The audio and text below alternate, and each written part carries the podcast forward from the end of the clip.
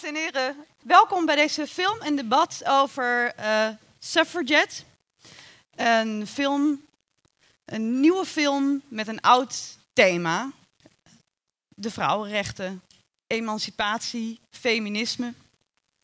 Um, ik ben heel blij dat u met uh, zo'n grote groep uh, gekomen bent, heel veel mensen.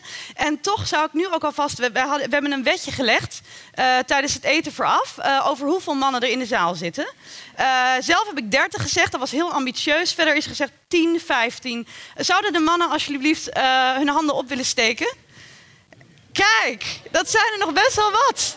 1, 2, 3, 4, 5, 6, 7, 8, 9, 10, 11, 12, 13, 14, 15, 16, 17, 18, 19, 20, 21, 22, 23, 24, 25. Zoiets. We hebben een winnaar. Ja. um, uh, en de winnaar is uh, Annelies Klein-Herenbrink. Die zo de film voor u zal inleiden. Zij is psycholoog. Ze doet promotieonderzoek aan de Universiteit van Amsterdam naar neuroseksisme. Zij zal de film kort inleiden, ook een soort kijkwijzer geven en dan aan het einde, na een korte pauze, of een korte pauze, gewoon een redelijke waarin u naar boven kunt om wat, uh, wat te drinken, uh, gaat zij in gesprek met Niels Spierings. Hij is socioloog, hij is verbonden aan de Radboud Universiteit als universitair docent uh, Gender Studies. dan rest mij nog twee dingen. Ten eerste mezelf voorstellen. Ik ben Lisa Doeland, programmamaker bij Radboud Reflect. Uh, en ik werd erop gewezen, iemand is een, uh, dit is een, misschien wel een mooi vrouwending. We hebben een, uh, een kettingje gevonden, groen, blauw, kraaltjes. ik leg hem daar neer. Degene die hem herkent of wie het is, kan hem in de pauze even opkomen halen. Um, zo naar de film, eerste inleiding van Annelies Kleinherenbrink.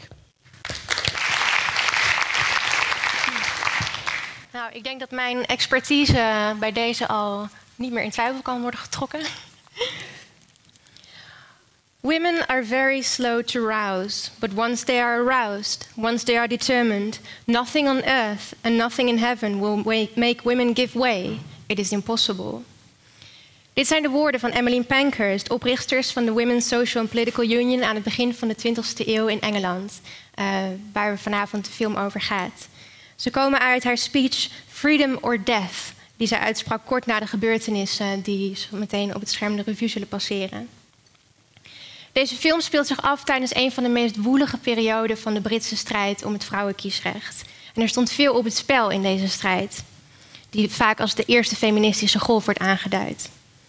Het stemrecht zou vrouwen de mogelijkheid geven om meer over hun eigen lot te beschikken en om hun eigen positie te verbeteren. Want ze waren nog veelal afhankelijk van mannen um, wat betreft hun inkomen, de beschikking over hun eigen lichaam, toegang tot hun kinderen, noem maar op.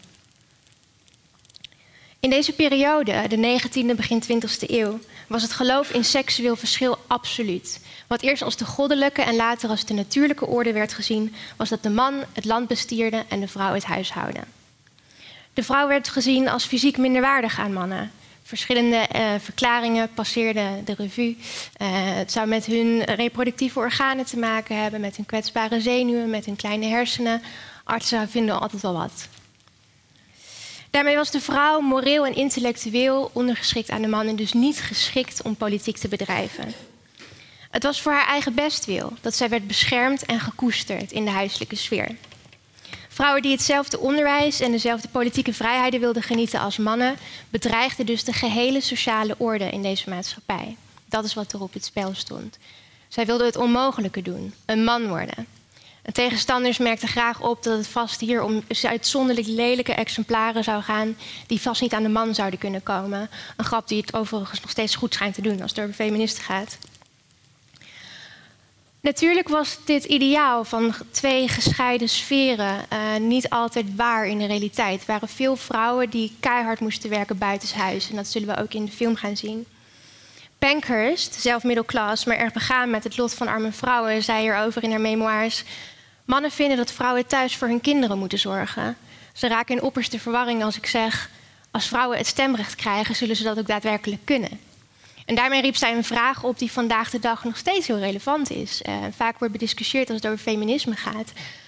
Hoe vrij zijn vrouwen om hun eigen keuzes te maken en wanneer noemen we een keuze feministisch en wanneer niet? Het was een lange strijd die decennia lang voortsleepte. Wetsvoorstellen werden gemaakt en werden weer afgewezen. Het was ook een internationale strijd. Emily Pankhurst bezocht een paar keer haar zusterorganisaties in, uh, in de VS, waar ook de rassenkwestie, de, de vrouwenkwestie doorsneed op manieren waar we na afloop nog over zullen praten, wat overigens niet in de film terug zal komen. Pankhurst vond aan het begin van de 20e eeuw dat het maar niet opschoot. Ze vonden tijd voor een andere strategie en daarom richtte zij de WSPA, de militante afdeling van de suffragettes, op. Ze zou doen wat nodig was om aandacht te trekken voor de zaak en om de regering te dwingen tot actie. En het zou grote offers vragen van degenen die haar volgden. En tot op vandaag wordt het door historici nog bediscussieerd of deze strategieën nou de beweging hebben geholpen of juist niet. Dus daar mag u allemaal ook uw eigen mening over vormen vanavond. De suffragettes van de WSPA waren slechts één groep te midden van een grote internationale strijd waarin heel veel verschillende groepen hun eigen tactieken kozen. De suffragettes van Pankhurst beweging werden regelmatig opgepakt en mishandeld. Uh, en ze kwamen in de gevangenis terecht, waar ze regelmatig in hongerstaking gingen uit protest tegen hun behandeling. Daarom werd ten tijde van de film, uh, 1912-1913, werd een wet aangenomen die de Cat and Mouse Act werd genoemd. Waarbij werd geregeld dat suffragettes die in hongerstaking gingen, werden vrijgelaten. En zodra ze weer een beetje aangesterkt en gezond werden, werden ze weer opgepakt. Um, dit om de sympathie van het bredere publiek niet te verliezen. En zodoende kon Emmeline Pankers, die vaak werd opgepakt, toch af en toe in het publiek verschijnen als ze weer even vrij was gelaten om de vrouwen toe te spreken en te, instru uh, te instrueren en te inspireren. Zoals we ook in de film zien. Oeh.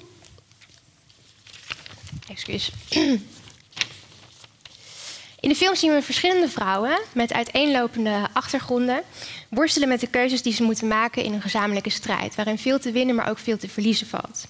De hoofdpersoon, Maud, raakt verzeild in de beweging van Pankhurst op het moment dat de Britse overheid net opnieuw aan het overwegen is om vrouwen het stemrecht te geven.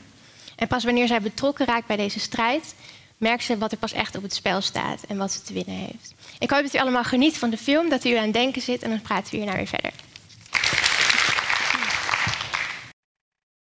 Dames en heren, fijn dat u, uh, dat u er allemaal nog steeds bent. Ik hoop dat u genoten heeft van de film. Uh, we gaan de film, we gaan een aantal dingen uit de film lichten, een aantal onderwerpen. Uh, we gaan het ook over dingen hebben die minder in de film zitten. Um, ik denk ongeveer een half uur. En dan wil ik vooral ook ruimte voor u uit de zaal voor opmerkingen vragen, maar dat, dat komt dus later. Um, Niels, ik wil eigenlijk beginnen nog voor deze film. Want uh, zoals we zien, de strijd was al een tijdje bezig. Um, kun jij iets meer vertellen over de ontwikkeling van de vrouwenbeweging en hoe, hoe we uiteindelijk hier terecht zijn gekomen? Ja. Uh, nou ja, wat je inderdaad zag in de paar minuten dat uh, Meryl Streep in beeld was, noemt zij op een gegeven moment ook van we strijden al 50 jaar. En dat zegt ze ongeveer in 1912. Um, we kunnen al een stuk verder terug. In 1792 schreef Mary Wollstonecraft al eigenlijk in de sociale verhandelingen over de positie van de vrouw van goh, hey, er is eigenlijk niet zoveel verschil. Als we vrouwen opleiden, kunnen zij hetzelfde. En er zou ook kiesrecht moeten zijn voor sommige vrouwen. Dat is dus 120 jaar voordat we op dit punt zijn uh, in de film. Voor sommige vrouwen dus? Ja, zij zijn vrouwen die willen stemmen, moeten kunnen stemmen. Okay. Dat is, uh, was de claim die zij uh, daar legde. Um, en in die 120 jaar was er nog geen kiesrecht. En nou ja, dat zie je dan terug hier in de film, dat op een gegeven moment die moeheid ook toeslaat van we strijden al zo lang. Die claims worden al zo lang gemaakt en toch gebeurt er nog niks, is er geen verandering. Uh, de minister luistert, maar uiteindelijk wordt er toch niet ingestemd met een amendement. En wordt eigenlijk de vraag gesteld, moeten we naar andere, andere middelen gaan zoeken? Um, nou ja, en sommige mensen zeggen ja en anderen zeiden nee, zoals we in de film zagen. Ja. Dus die, die frase die je ook terug ziet komen, deeds, not words. Ja. Misschien moeten we daar niet al te lang mee stilstaan. Al ben ik wel benieuwd. Ik had zelf de tweede keer dat ik hem keek, was het minder. Maar de eerste keer, ik werd er wel behoorlijk boos van, merkte ik. Ik ging me heel erg zitten identificeren. Uh, beetje stom om die vraag dan specifiek aan jou te stellen, maar ik doe het toch. Yeah. maar misschien jou ook wel nieuws, dat weet ik. Ja. Had je daar last van? Dat je een beetje militant werd van, van het onrecht, ja. uh, de, de, wanhoop?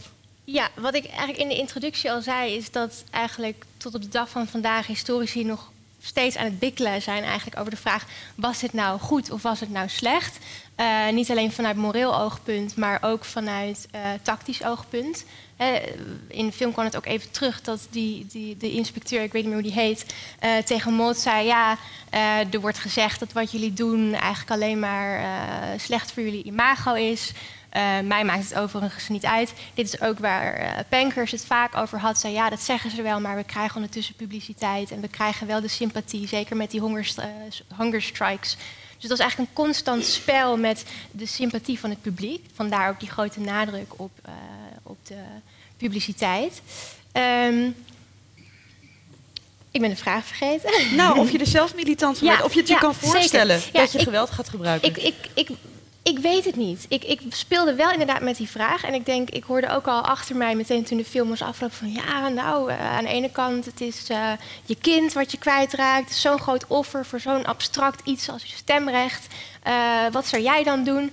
Um, ja, ik denk dat die, die vraag heel prangend wordt gesteld. En wat je ook ziet is dat verschillende vrouwen uh, tot verschillende keuzes nemen. Er zijn, eh, Maud, de eerste keer dat ik het zag, de film, ik heb hem nu voor de tweede keer gezien, had ik vooral het idee van, nou, ze wordt er echt een soort van tegen wil en dank in meegesleept. En ze rolt erin.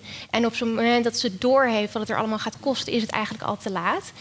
Nu ik hem voor de tweede keer zie, denk ik, nou, er zijn eigenlijk best wel veel momenten waarop ze kan zeggen, nee, ik doe het toch niet. Wat Violet op een gegeven moment ook doet. Hè. Zij is zwanger en uh, zij zegt, eh, het gaat erover dat zij moreel afkeurt uh, wat, wat Pankhurst wil. Maar ik denk ook van, nou, als ze niet zwanger was geweest, was ze misschien wel mee doorgaan. Dus het gaat ook over de persoonlijke situatie. Ja. Um, ja. Ja, dus... Want waarom, waarom uh, of nee, dat is misschien meer een vraag. Is het, is het uh, altijd in de, in de zich ontwikkelende vrouwenbeweging, is het kiesrecht het belangrijkste geweest? Is dat steeds waar men voor vocht? Uh, Rond deze en is dat, ja, ja. Is, en is dat dan ook het, nou, het fantastische van de eerste golf? Goddank, we hebben het, uh, dat. Ik denk dat je dat in de film eigenlijk ook wel heel mooi zag. Dat aan de ene kant die strijd voor het kiesrecht is. Dat is de meest fundamentele manier waarop je als mens, als vrouw, als burger uh, invloed kunt hebben op al het andere beleid ook dat uh, gevoerd wordt. Dus familierecht, erfrecht, al, allerlei zaken die ook terugkwamen eigenlijk in de film. Maar dit is ook meteen een punt waarover steeds verschil van mening was. Dus het gaat niet alleen over gaan we dit uh, bereiken met protesteren, met pamfletten enzovoorts, of met nou ja, gewapende strijd, al dan niet gericht op mensen. maar ook de vraag, moeten wij ons focussen op kiesrecht puur sang? Of moeten wij deze strijd breder trekken? Het ging in de breedte altijd wel over wettelijke gelijkstelling bovenal. Maar die, die splitsing eigenlijk zie je ook wel weer binnen de beweging. Van oké, sommige groepen die echt alleen maar voor dat kiesrecht willen gaan... en die daarmee ook geen claim leggen op wat andere feministische doelen zijn als je wil... En een groep die zegt nee, het gaat ook om allerlei andere vormen van gelijkstelling, gelijk loon enzovoort. En misschien dat voor een deel um, de vrouwen die hier streden voor de bredere doelen ook nog wel uh, bedrogen uitkwamen. Want je ziet ook bijvoorbeeld als je in Nederland kijkt, um, kiesrecht 1919 ingevoerd, 1922 eerste verkiezingen, uh, waar vrouwen mochten stemmen. En toen leidde dat, of lijkt dat te hebben geleid, tot een conservatieve slag in de politiek. Dus meer zetels voor confessionele partijen, ongeveer plus 9 à 10 uh, op 100 zetels toen nog een daling voor liberale en socialistische partijen. Omdat een deel van de vrouwen die opeens mocht stemmen, was veel conservatiever dan die feministische voorhoede. Wat we eigenlijk ook alweer zagen in de film. Op het moment dat ook de vrouwen eigenlijk de voorstanders van kiesrecht uh, nou ja, uitmaakten voor schande en dat soort woorden. Ja, dus, dus wat je dan ziet is misschien ook een. Uh, dus er speelt ook een soort klassenstrijd Zeker. weer doorheen. Ja, ja dit is uh, eigenlijk ook heel relevant uh, voor de aanpak van Pankhurst. Zij kwam zelf uit een wat ja, uit de middelklas. Um, terwijl heel veel vrouwen uit de working class zich bij haar beweging, of bij de beweging in het algemeen hadden aangesloten. Alleen Pankhurst, op het moment dat deze film speelde, niet alle mannen hadden kiesrecht. Je had alleen kiesrecht als je van een bepaalde leeftijd had en als je bezit had. Um, dus als jij arm was, mocht je niet stemmen. En Pankhurst um, wilde dat voor vrouwen gelijk schakelen aan mannen. Dus niet stemrecht voor alle vrouwen, maar stemrecht van vrouwen van een bepaalde leeftijd met bepaalde middelen. Dus als ik naar deze film kijk, denk ik, de zaak waar Maud voor strijdt, zou zij überhaupt daar zelf van hebben kunnen geprofiteerd? Nou denk ik dat vrouwen als Pankhurst ook een soort van charity uh, mindset hadden. Dat ze ja, maar als wij kunnen stemmen, kunnen wij het voor hen beter maken. Maar goed, daar zit nog toch steeds, hè, dat dachten mannen ook. Mannen dachten ook, wij kunnen de belangen van vrouwen behartigen. Dus er zit een soortzelfde logica in. Ja. Um, er daar was verdeeldheid over. En er waren ook wel degelijk uh, vrouwenbewegingen die zich wat minder daarop focusten. Bijvoorbeeld een van uh, de uh, dochters van Emmeline Panker, Sylvia.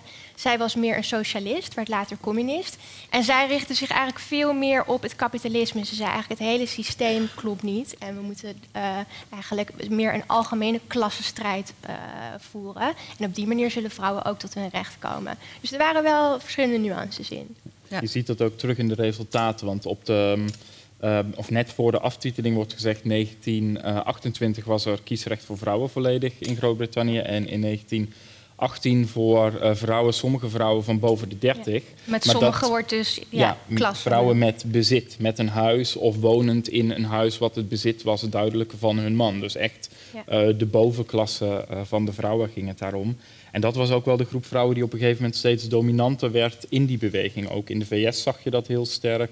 Uh, dan heeft men het over WASP, uh, Women, Anglo Western Anglo-Saxon, um, uh, Protestant. Um, en dan de S hebben we nog over. Suffrage?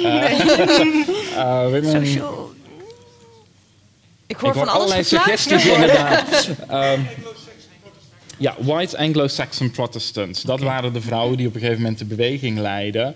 Nou ja, en dat leverde ook wel strijd op over nou ja, waar staan we voor en tegen wie zetten we ons ook af. Dus als tegenstanders. Ja. Ja, want wie zijn dat hier? Ja, het is de. Het is de waar, waar vechten ze nou eigenlijk vooral tegen? In deze, je ziet, je ziet verschillende uh, mannen die verschillende rollen hebben. Ja.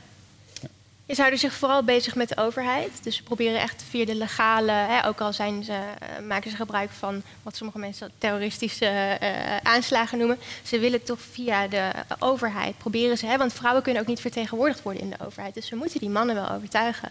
En ja, ze krijgen elke keer, keer op keer een soort van dode mus. En er wordt gezegd, er wordt gezegd van, ja, we luisteren wel naar jullie en we gaan er weer naar kijken.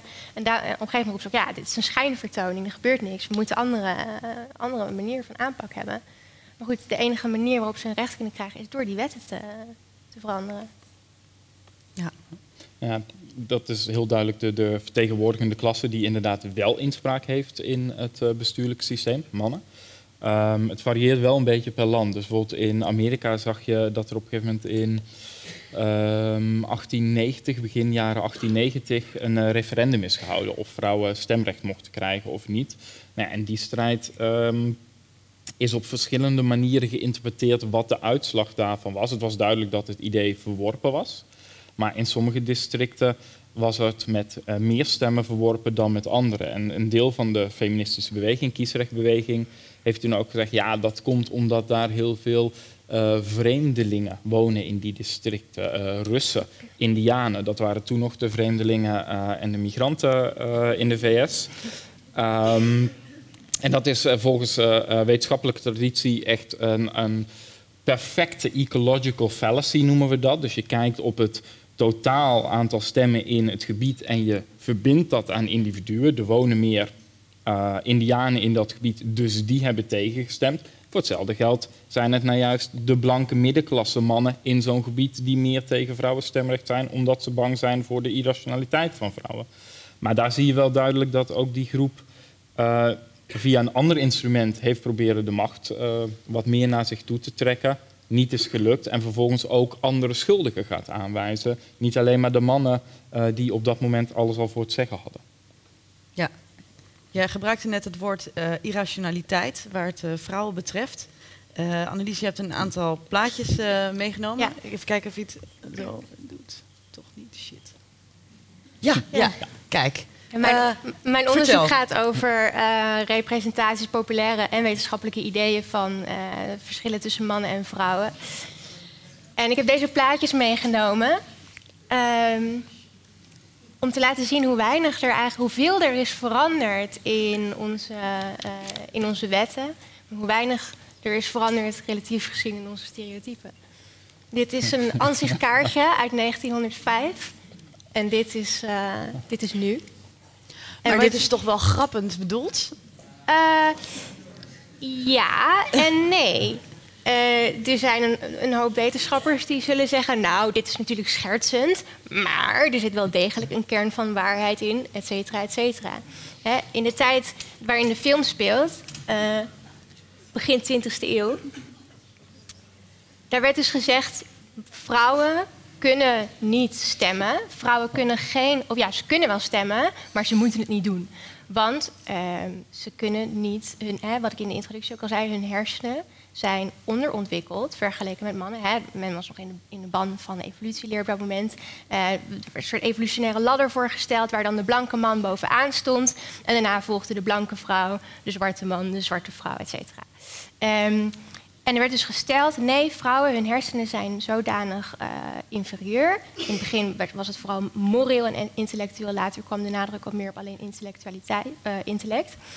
Um, en artsen schreven zelfs, wetenschappers en artsen schreven zelfs brieven naar de krant om te waarschuwen tegen de vrouwenbeweging. Om hun uh, autoriteit in de schaal te leggen van nee, dit is een slecht idee, ze kunnen het niet.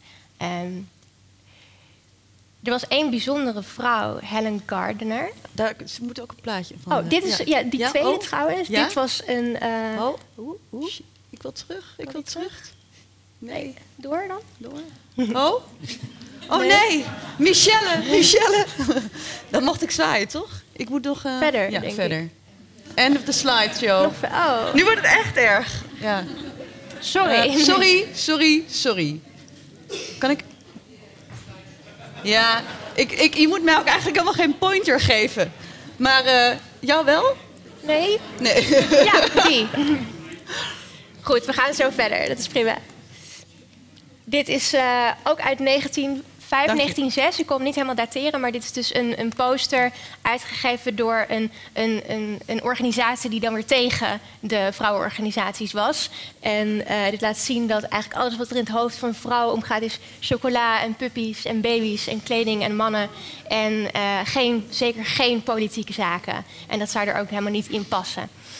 Um, te klein. Te klein, ja. helaas. Geen ruimte meer. Ik ga het niet proberen het plaatje van die vrouw uh, erbij nee. te zoeken, maar... Ga ik wel doen. Uh, ja? Kijk hoor, het okay. is wel leuk. Ja, ja toch.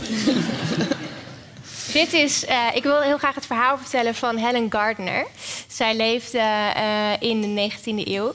En um, zij vond het allemaal zo'n onzin, die theorie over die hersenen. Zij nam een paar cursussen aan de universiteit, dat kon toen.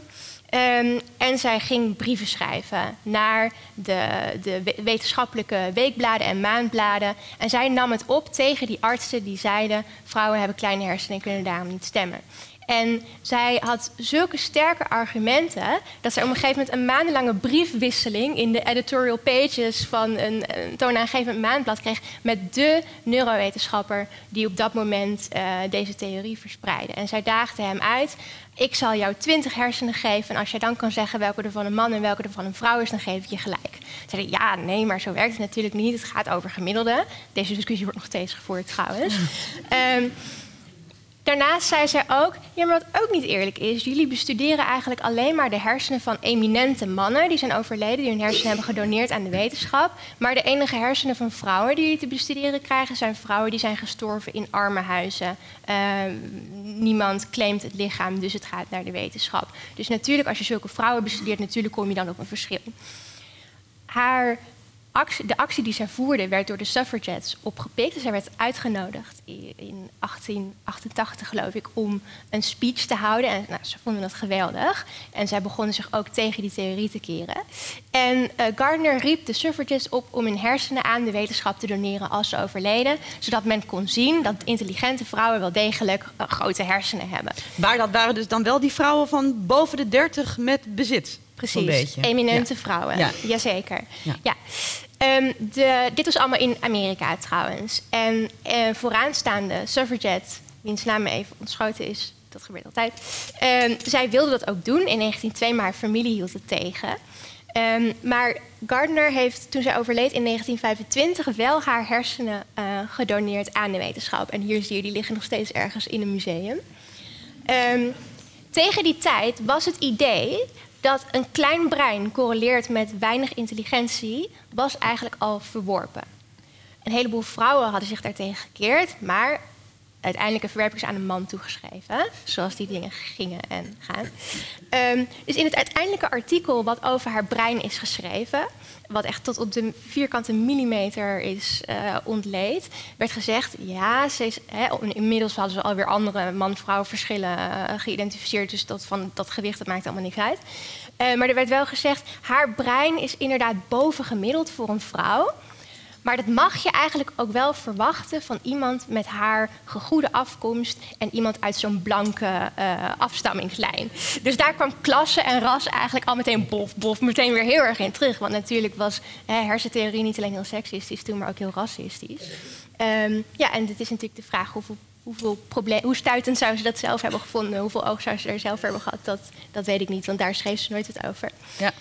Um, maar ja, dat is het verhaal. En uh, ja, wat ik al zei, dat, dat die theorie van dat vrouwen kleinere hersenen hebben en dus minder intelligent zijn, dat werd eigenlijk, zodra het werd verworpen, hadden ze weer wat anders. Toen gingen ze meer kijken van, nou, hoe werkt het, hoe zit het dan in elkaar? En eigenlijk zijn we daar nu nog steeds. Elke keer als er iets wordt verworpen, wordt er wel weer een nieuw verschil gevonden. En ook al verandert dan steeds wat het dan in de hersenen is, die stereotypen, die blijven ongeveer hetzelfde.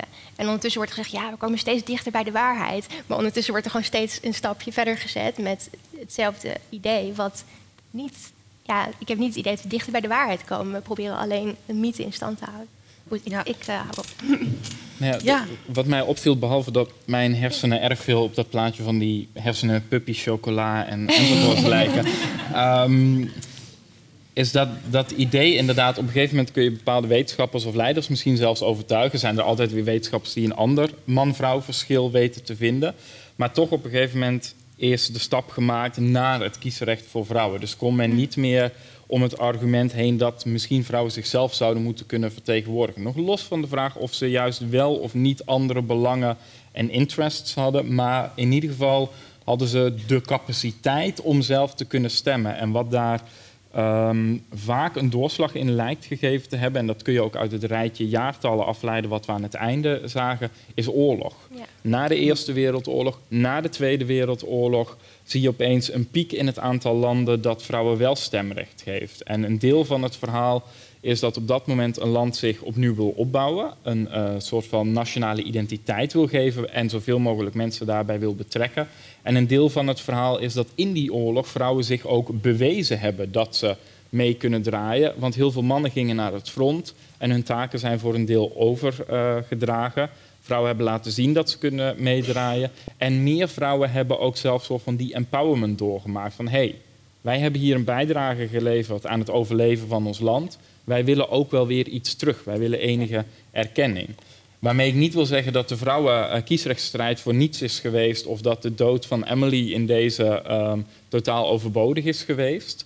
Maar je ziet dat er vaak wel nog een externe um, uh, happening moet zijn die soort van die laatste duw weet te geven. Ik denk dat dat ook, uh, volgens mij was het ook zo dat uh, ook na de oorlog het mannenkiesrecht werd uitgebreid. Ook omdat er werd gezegd, hè, al die soldaten die zijn aan het front gestorven, we kunnen het niet maken om ze nou niet mee te laten beslissen over een land.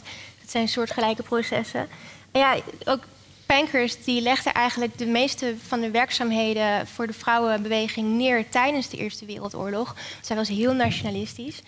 Um, en zij wilde eigenlijk al haar um, resources focussen op de war effort. En er gaat zelfs een verhaal, ik weet niet of het klopt, misschien weet jij dat, dat ze witte veren uitdeelde aan mannen op straat die niet uh, in militaire kledij waren, als teken dat ze lafaards waren. Dat ging heel ver. En dat was ook weer hè, haar dochter, de communiste, die was juist ontzettend pacifistisch. Die wilde er helemaal niks van weten. Dus daar zag je ook een splitsing.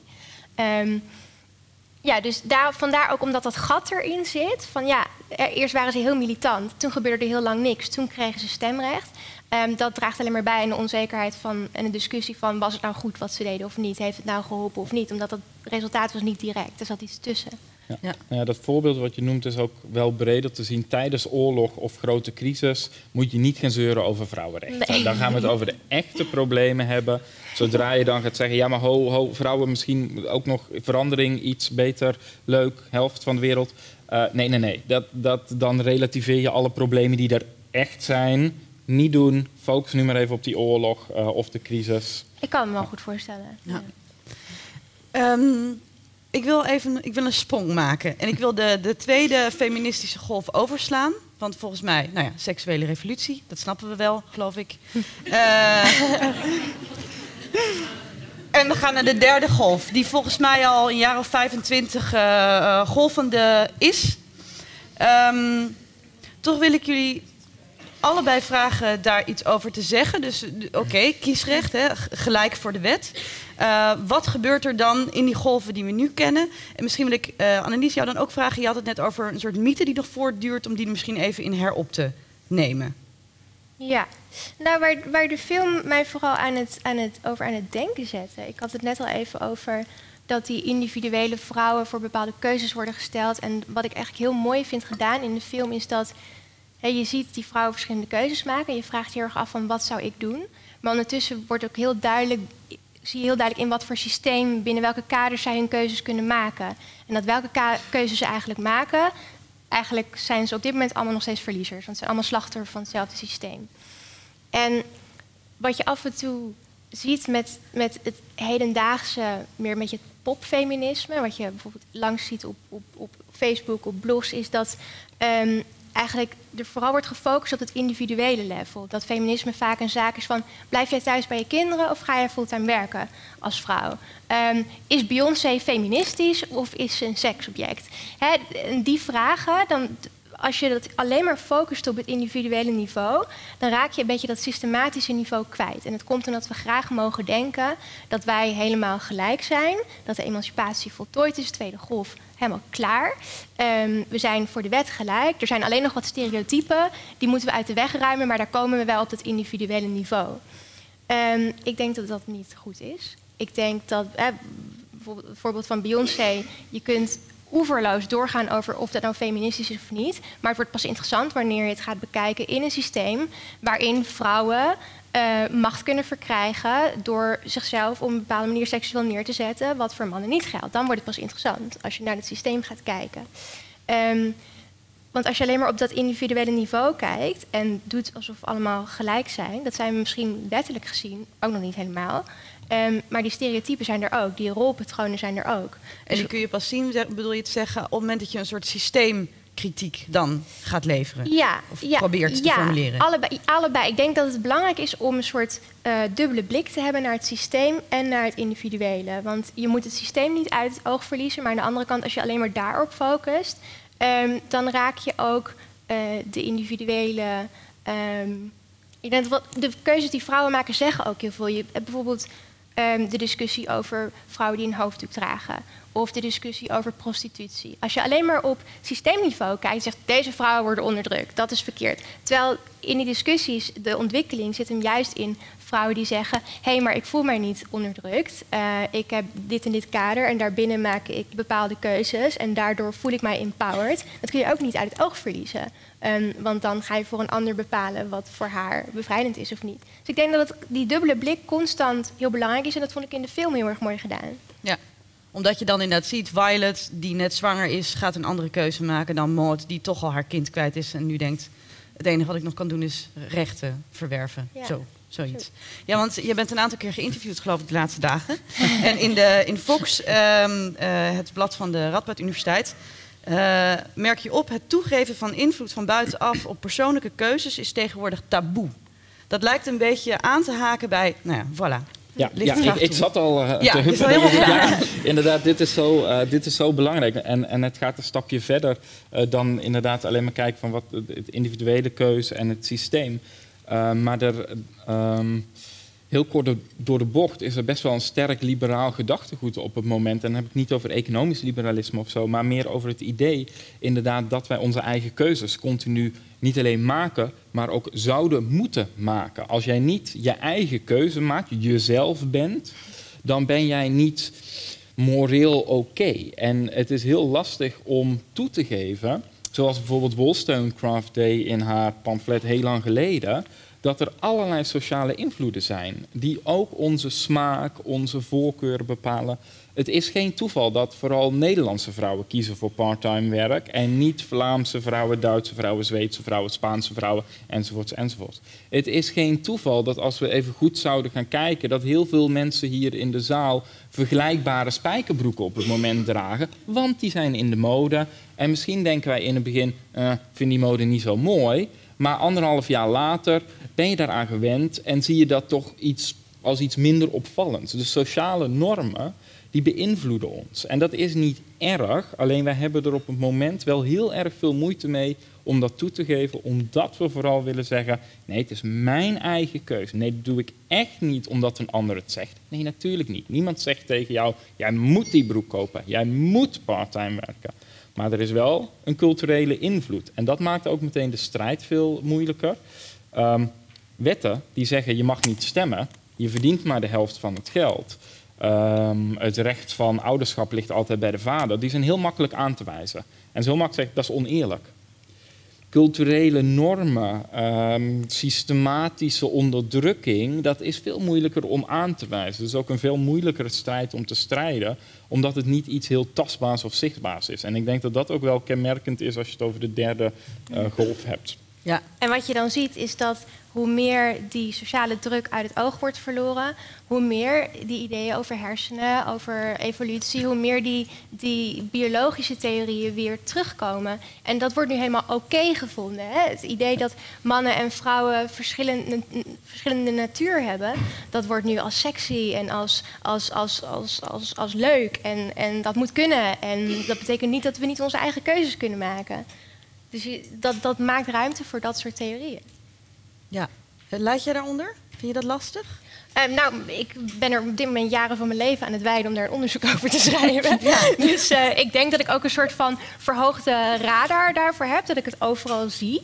Um, maar ik, ja, ik denk dat het een illusie is om te denken van.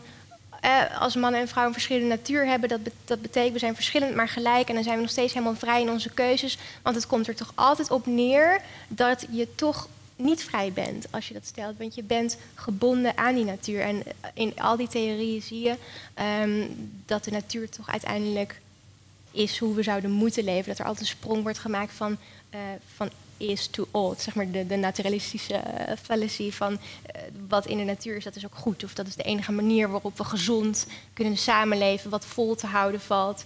Um, en dat is misschien dan ook wel de mythe van de voor de kinderen zorgende vrouw. Zeker, zeker. Ja, maar nog even aanhangend op, op wat Niels zei ook over keuzevrijheid. keuzevrijheid. Ik denk eh, dat we vooral niet moeten denken dat de emancipatie bereikt is als we um, als alle sociale dwangen weg zijn gevallen en we zijn totaal vrij om zelf onze weg in het leven te bedenken en onze normen en waarden te bepalen. Want een individu kan niet in een isolement zijn eigen normen en waarden bepalen. Dat is altijd een, een maatschappelijk iets. Um, dus ik denk natuurlijk zijn er gradaties, maar ik denk dat meer naar ultieme vrijheid zou je meer moeten erkennen dat er die sociale invloeden zijn. En dat zo eerlijk mogelijk voor iedereen inrichten. Ik denk dat dat zinniger is. Ja. Voordat ik naar uh, de zaal ga, wil ik één ding nog op tafel leggen dat op een bepaalde manier als een soort spook zo boven ja. deze discussie hangt. Keulen. Ja. Um, we, we, hadden jullie daarover gemaild. Uh, van goh, moet, moeten we niet iets met wat er in Keulen is gebeurd? Die, uh, uh, massa-aanranding, uh, ook een nieuw, nieuw woord ja. daarmee. En jullie waren allebei nogal terughoudend in de mail. En later van, oké, maar waarom, waarom, van waar die, die terughoudendheid? Want je zou toch zeggen, er gebeurt iets met vrouwen die niet gerespecteerd worden, aangetast worden in hun lichamelijkheid. Daar moet je toch tegen verzetten? Zal ik hem aftrappen? Ja, um, Nou, voor een deel raakt het eigenlijk aan waar we het net over hadden. Van als er iets anders aan de hand is, moet je niet gaan zeuren over vrouwenzaken. Um, deze vraag werd mij eerder gesteld door de Telegraaf. En die vond het nodig om mij woorden in de mond te leggen uh, over dat massa-aanranding tijdens carnaval net zo frequent is. Dat zei ik niet, even voor alle duidelijkheid. Um, ik was op dat moment dus een beetje keulen moe ook, omdat mm -hmm. ik vooral moest uitleggen dat het anders werkte. Maar wat hier wel heel interessant aan is, en waar we het later ook over hadden, is juist dat feit van hoe wordt die discussie nu gevoerd? En ook de vraag van zo'n uh, gebeurtenis in Keulen, die verschrikkelijk is. Laat dat heel duidelijk zijn. Maar is dat nu een nieuwe voedingsbodem voor feminisme? Wordt daarmee emancipatie terug op de agenda gezet?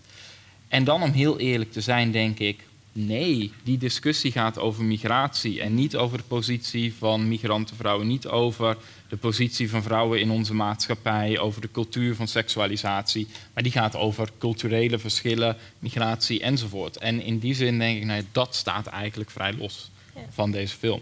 Ja, wat je, wat je ziet, wat je eigenlijk al heel lang ziet, is dat de vrouwenemancipatie, homo-emancipatie, transgender-emancipatie al een tijd gekaapt wordt door anti-migratiepolitiek en moet hij om het wij-zij denken te vergroten.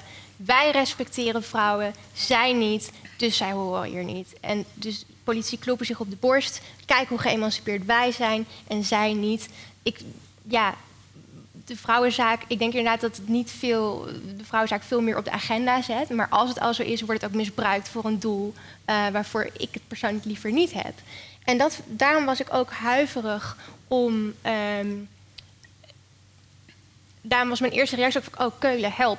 Want het is zo'n sterk frame in de media, in de politiek, in discussies op Facebook, noem maar op, die dat het is vrouwen versus migranten. Dat is het frame waarin deze discussie wordt gedwongen. En het is bijna onmogelijk om uh, je, aan publiek boos te maken. Ik denk dat dat ook met jou is gebeurd. Dat het bijna onmogelijk is om je aan publiek boos te maken over vrouwenrechten. zonder dat het lijkt alsof je tegen migranten bent. En dat het bijna onmogelijk is om je, boos te om je sterk te maken voor migrantenrechten. zonder dat het lijkt alsof je vrouwenproblemen bagatelliseert. En ik ben het niet eens met dat frame. Maar het is zo moeilijk om daaruit te stappen. dat elk genuanceerd geluid wat ik zie in de media wordt de ene of de andere kant opgetrokken. En ik denk, ehm, ja, ik vraag me af of het in die zin wel iets van de, van de geschiedenis waar we het over vandaag hebben, uh, van te leren valt. Want wat je bijvoorbeeld in Amerika zag, daar was natuurlijk de, de burgerrechtenstrijd, de afschaffing van de slavernij speelde uh, op, eigenlijk op het moment ook dat die strijd om de vrouwenrechten uh, begon. Maar dat was niet één gezamenlijke strijd waarin men samen optrok. Nee, de suffragettes in Amerika gebruikten, zetten zich vaak juist af tegen uh, de strijd tegen slavernij. Zeiden nee, blanke vrouwen moeten stemmen, want dan zijn er meer blanke stemmen dan zwarte stemmen. Dat soort argumenten. Uh, laat vooral niet zwarte stemmen spreken, want dan denken ze dat we ook bij die kliek horen. In het jaar dat de film speelt was er een grote mars omdat er een nieuwe president was, uh, Wilson in Amerika. Daarin werd afgesproken dat de zwarte vrouwen achteraan moesten gaan lopen. Mm. Dan was er één vrouw, Ida Wells, die zei nee, die ging lekker vooraan lopen en die is onsterfelijk daarvoor. Um, maar dat werd heel erg tegen elkaar uitgespeeld. En dat zie je nu eigenlijk op een andere manier door andere partijen, maar toch zie je ook die tegenstelling. Ja. Ja, ja, helaas. Ja. helaas. Nou ja, één, één ding wat je namelijk wel in de film ook terugziet, uh, indirect, gaat letterlijk over aanranding en verkrachting. Feitelijk. Wettelijk was dat misschien niet zo.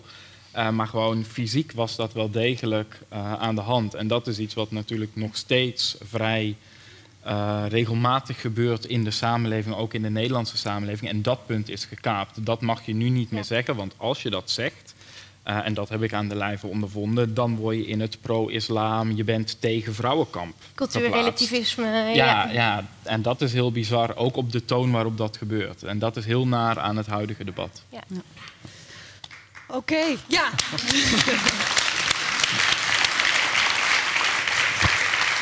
um, ja, ik ben benieuwd of er uh, vragen zijn in de zaal. Er zijn microfoons, dus als u uh, de aandacht wil, Steekt uw hand op. Ja, hier helemaal vooraan. Ik begin bij u en dan gaan we daarna.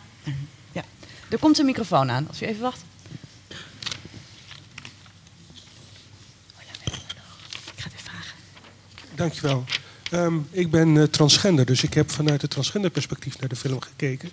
Ik uh, ben in een mannenlichaam geboren, maar voel mezelf vrouw en ben ook in transitie. Wat mij opviel was het enorme fysieke geweld tegen die vrouwen die voor uh, stemrecht streden. Daar was ik echt door geschokt. Is dat echt historisch? Bij mijn weten wel. Ja, ben ik geen- vroeg me ook nog af inderdaad, want dit, dit is al behoorlijk gewelddadig. Ja. Eh, ook wat er met vrouwen in, in de gevangenis, nou, niet lichtzinnig.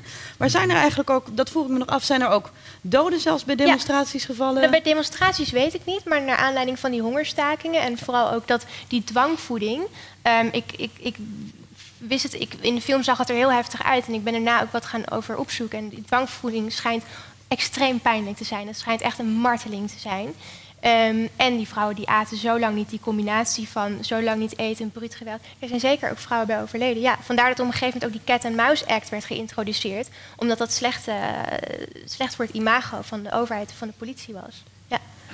Ja, En ik denk dat we ook niet moeten vergeten wat nog binnen huiselijke sfeer aan geweld Zeker. plaatsvond om te zorgen dat jouw vrouw netjes in het gareel liep. Want Ja. dat zagen zoals we je ook. bij Violet Ja, eh, zag. Het straalt af op jou als man als jouw vrouw zich niet eh, gedraagt. Dus eh, helaas wel. Ja, dat is ook, als, je, als je ziet, de, er zijn memoires, er zijn documenten, brieven bewaren gebleven natuurlijk. En, en daarin wordt ook beschreven dat, ja, dat het redelijk accuraat is dat ook heel veel vrouwen van hun man, van hun kind werden vervreemd.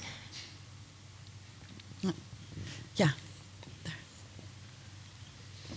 Ja, ik wil het eh, toch een beetje over seksualiteit hebben. Want het is iets waar ik zelf mee speel. Eh, nou, ik merk bij mezelf en bij, mijn vriendengroepen dat ehm, het toch nog steeds de neiging is om te denken dat als een eh, man veel bedpartners heeft, dat hij een player is. En als een vrouw veel bedpartners is, heeft, dat ze een slet is en dat dat verkeerd is. En ik vraag me af, waar komt deze slut-shaming eigenlijk vandaan? En hoe, wat kan ons helpen om... nou ja, maar ik, Ja. vind het nog steeds relevant. Eh, ja, Ja, ja, ik noem het waarom, eh, slutshaming, omdat dat echt zo... Het is echt van, oh, het is verkeerd om als vrouw eh, heel Ja. los te zijn. Nou, vertel het ons maar Niels, ja. waarom is dat zo? en hoe kun je beetje naar kijken? Ik, ik ga hem gewoon schaamteloos dadelijk doorpassen hoor. Maar ehm, hier zit een beeld van mannelijkheid en vrouwelijkheid achter. Wat volgens mij uiteindelijk een biologische oorsprong heeft qua hoe wij daarover denken. En dat is het deel waarop ik hem ga terugpassen. Maar de actieve eh, man die op zoek is naar seks om zich voor te planten, evolutieleer, verspreid je sperma en je nakomelingen. Versus eh, de vrouw die passief ontvangend is, eh, er geen donder aan vindt.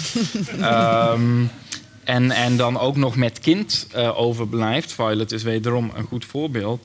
En dat is een idee over wat mannelijkheid en vrouwelijkheid is. Maar sterk nog, wat man zijn en vrouw Ja. zijn is. En dit is waar Annelies meer weet. Nou ja, dat, da- daar eh, sluit ik mij bij aan.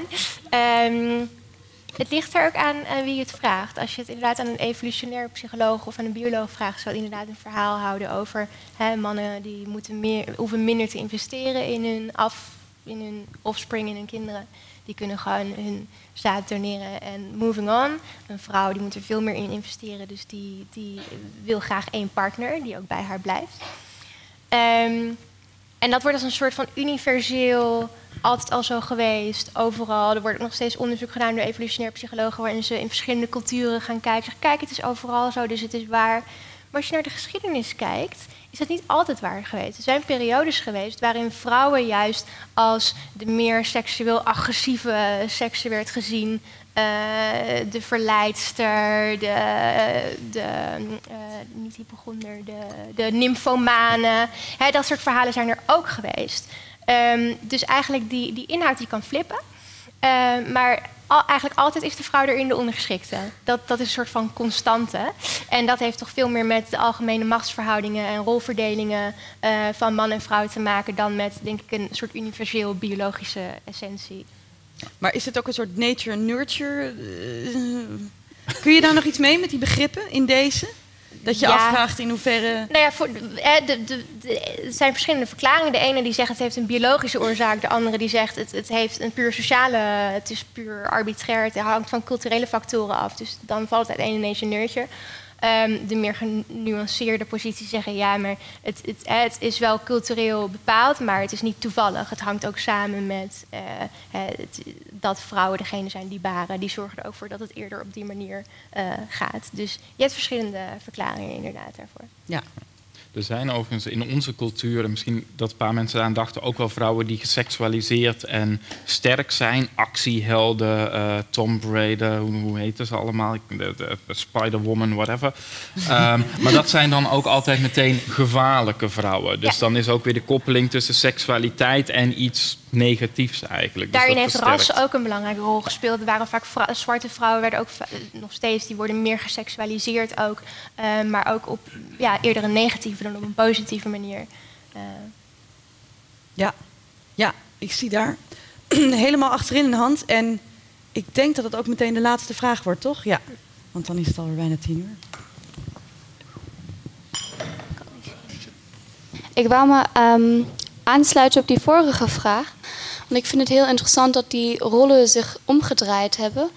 Maar ik vind, um, uw antwoorden he hebben de vraag nog niet helemaal beantwoord. Want waarom is het nu zo dat de vrouw die um, meer prude seks uh, representeert en de man meer de losse seks?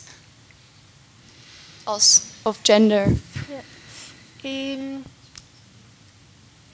ik kan er eigenlijk geen. Eigenlijk is dit het enige antwoord wat ik kan geven. Want er zijn verschillende. Uh, het is al heel lang zo. Er zijn verschillende theorieën over. En ik denk dat er niet duidelijk één oorzaak aan te wijzen is. En ik heb er zelf ook niet een, een hele sterke positie in, denk ik. Ik vind het meer historisch interessant en sociaal interessant. Um, heb jij er een sterkere nou ja, positie ik denk, in? Eén ding wat misschien een stukje van het antwoord is, um, is waar komt die um, verdeling, rolverdeling en die norm vandaan. En dat is voor een deel het, het, het, het, verschil, bedoel je? Nou ja, en ons idee van dat mannen uh, vooral mannelijk zijn als ze veel partners hebben en vrouwen niet. Nou, daar hebben we het net ook over gehad, over uh, voortplanting. En je hebt voor een deel de vraag van waarom bestaat dit nog steeds? Waarom is dat dan nog niet veranderd? En een onderdeel van dat antwoord is ook dat we met een soort van zelfversterkend effect te maken hebben. Uh, waarbij in een mannenvriendengroep uh, je waarschijnlijk een schouderklopje en een uh, thumbs up krijgt als je vertelt van je zoveelste verovering. Um, terwijl je in een vrouwenvriendengroep waarschijnlijk meer afkeur krijgt en ook van mannelijke vrienden als je vrouw bent. Dus je krijgt van, Yo, daar wil ik niet ook nog overheen, om het maar heel oneerbiedig te zeggen. Nou ja, dit is de woorden waarin gesproken wordt. Uh, dus, dus, dit soort normen versterkt zichzelf en die verander je ook niet zomaar. Um, daarbij is het steeds aan de hekken rammelen en zeggen: het is niet per se biologisch, het kan ook anders. Er zijn tegenvoorbeelden, allemaal stukjes en blokjes die daarop bouwen. Um, en ook de populaire cultuur met films en muziek en clips en video's enzovoorts kan daaraan bijdragen. Ja. ja. Ik denk, het heeft natuurlijk heel veel te maken met... Hè, we zijn, uh, vrouwen zijn meer buitenshuis gaan werken. We zijn geëmancipeerd, zo je wil. Maar we zijn natuurlijk nog steeds degene die geassocieerd worden met het opvoeden van kinderen. En we zijn nog steeds de, degene die um, wat meer worden gezien als... Mm, moederlijk, puur, zorgzaam. Dus eigenlijk het hele imago van de vrouw, um, wat erg te maken heeft gehad met haar positie als ja, min of meer het bezit van de man, wat van hem is, terwijl hij vrij is buitenshuis om te gaan en te doen wat hij wil. Ja, tot slot, deze vrouwen streden. Waar, uh, waar moeten wij nog voor strijden? Waar, waar uh, zouden jullie nog voor willen strijden? En doen we dat vereend of doen we dat alleen? Ja, ik neem uh, ondertussen mijn chocolaatje. Ja. Mag ik een leestip daar dan meegeven? Ik zou zeggen, dat moeten we zeker vereend doen. Maar met respect voor dat we allemaal op verschillende momenten verschillende posities innemen. En dan zou ik zeggen, iedereen leest Iris Marion Young.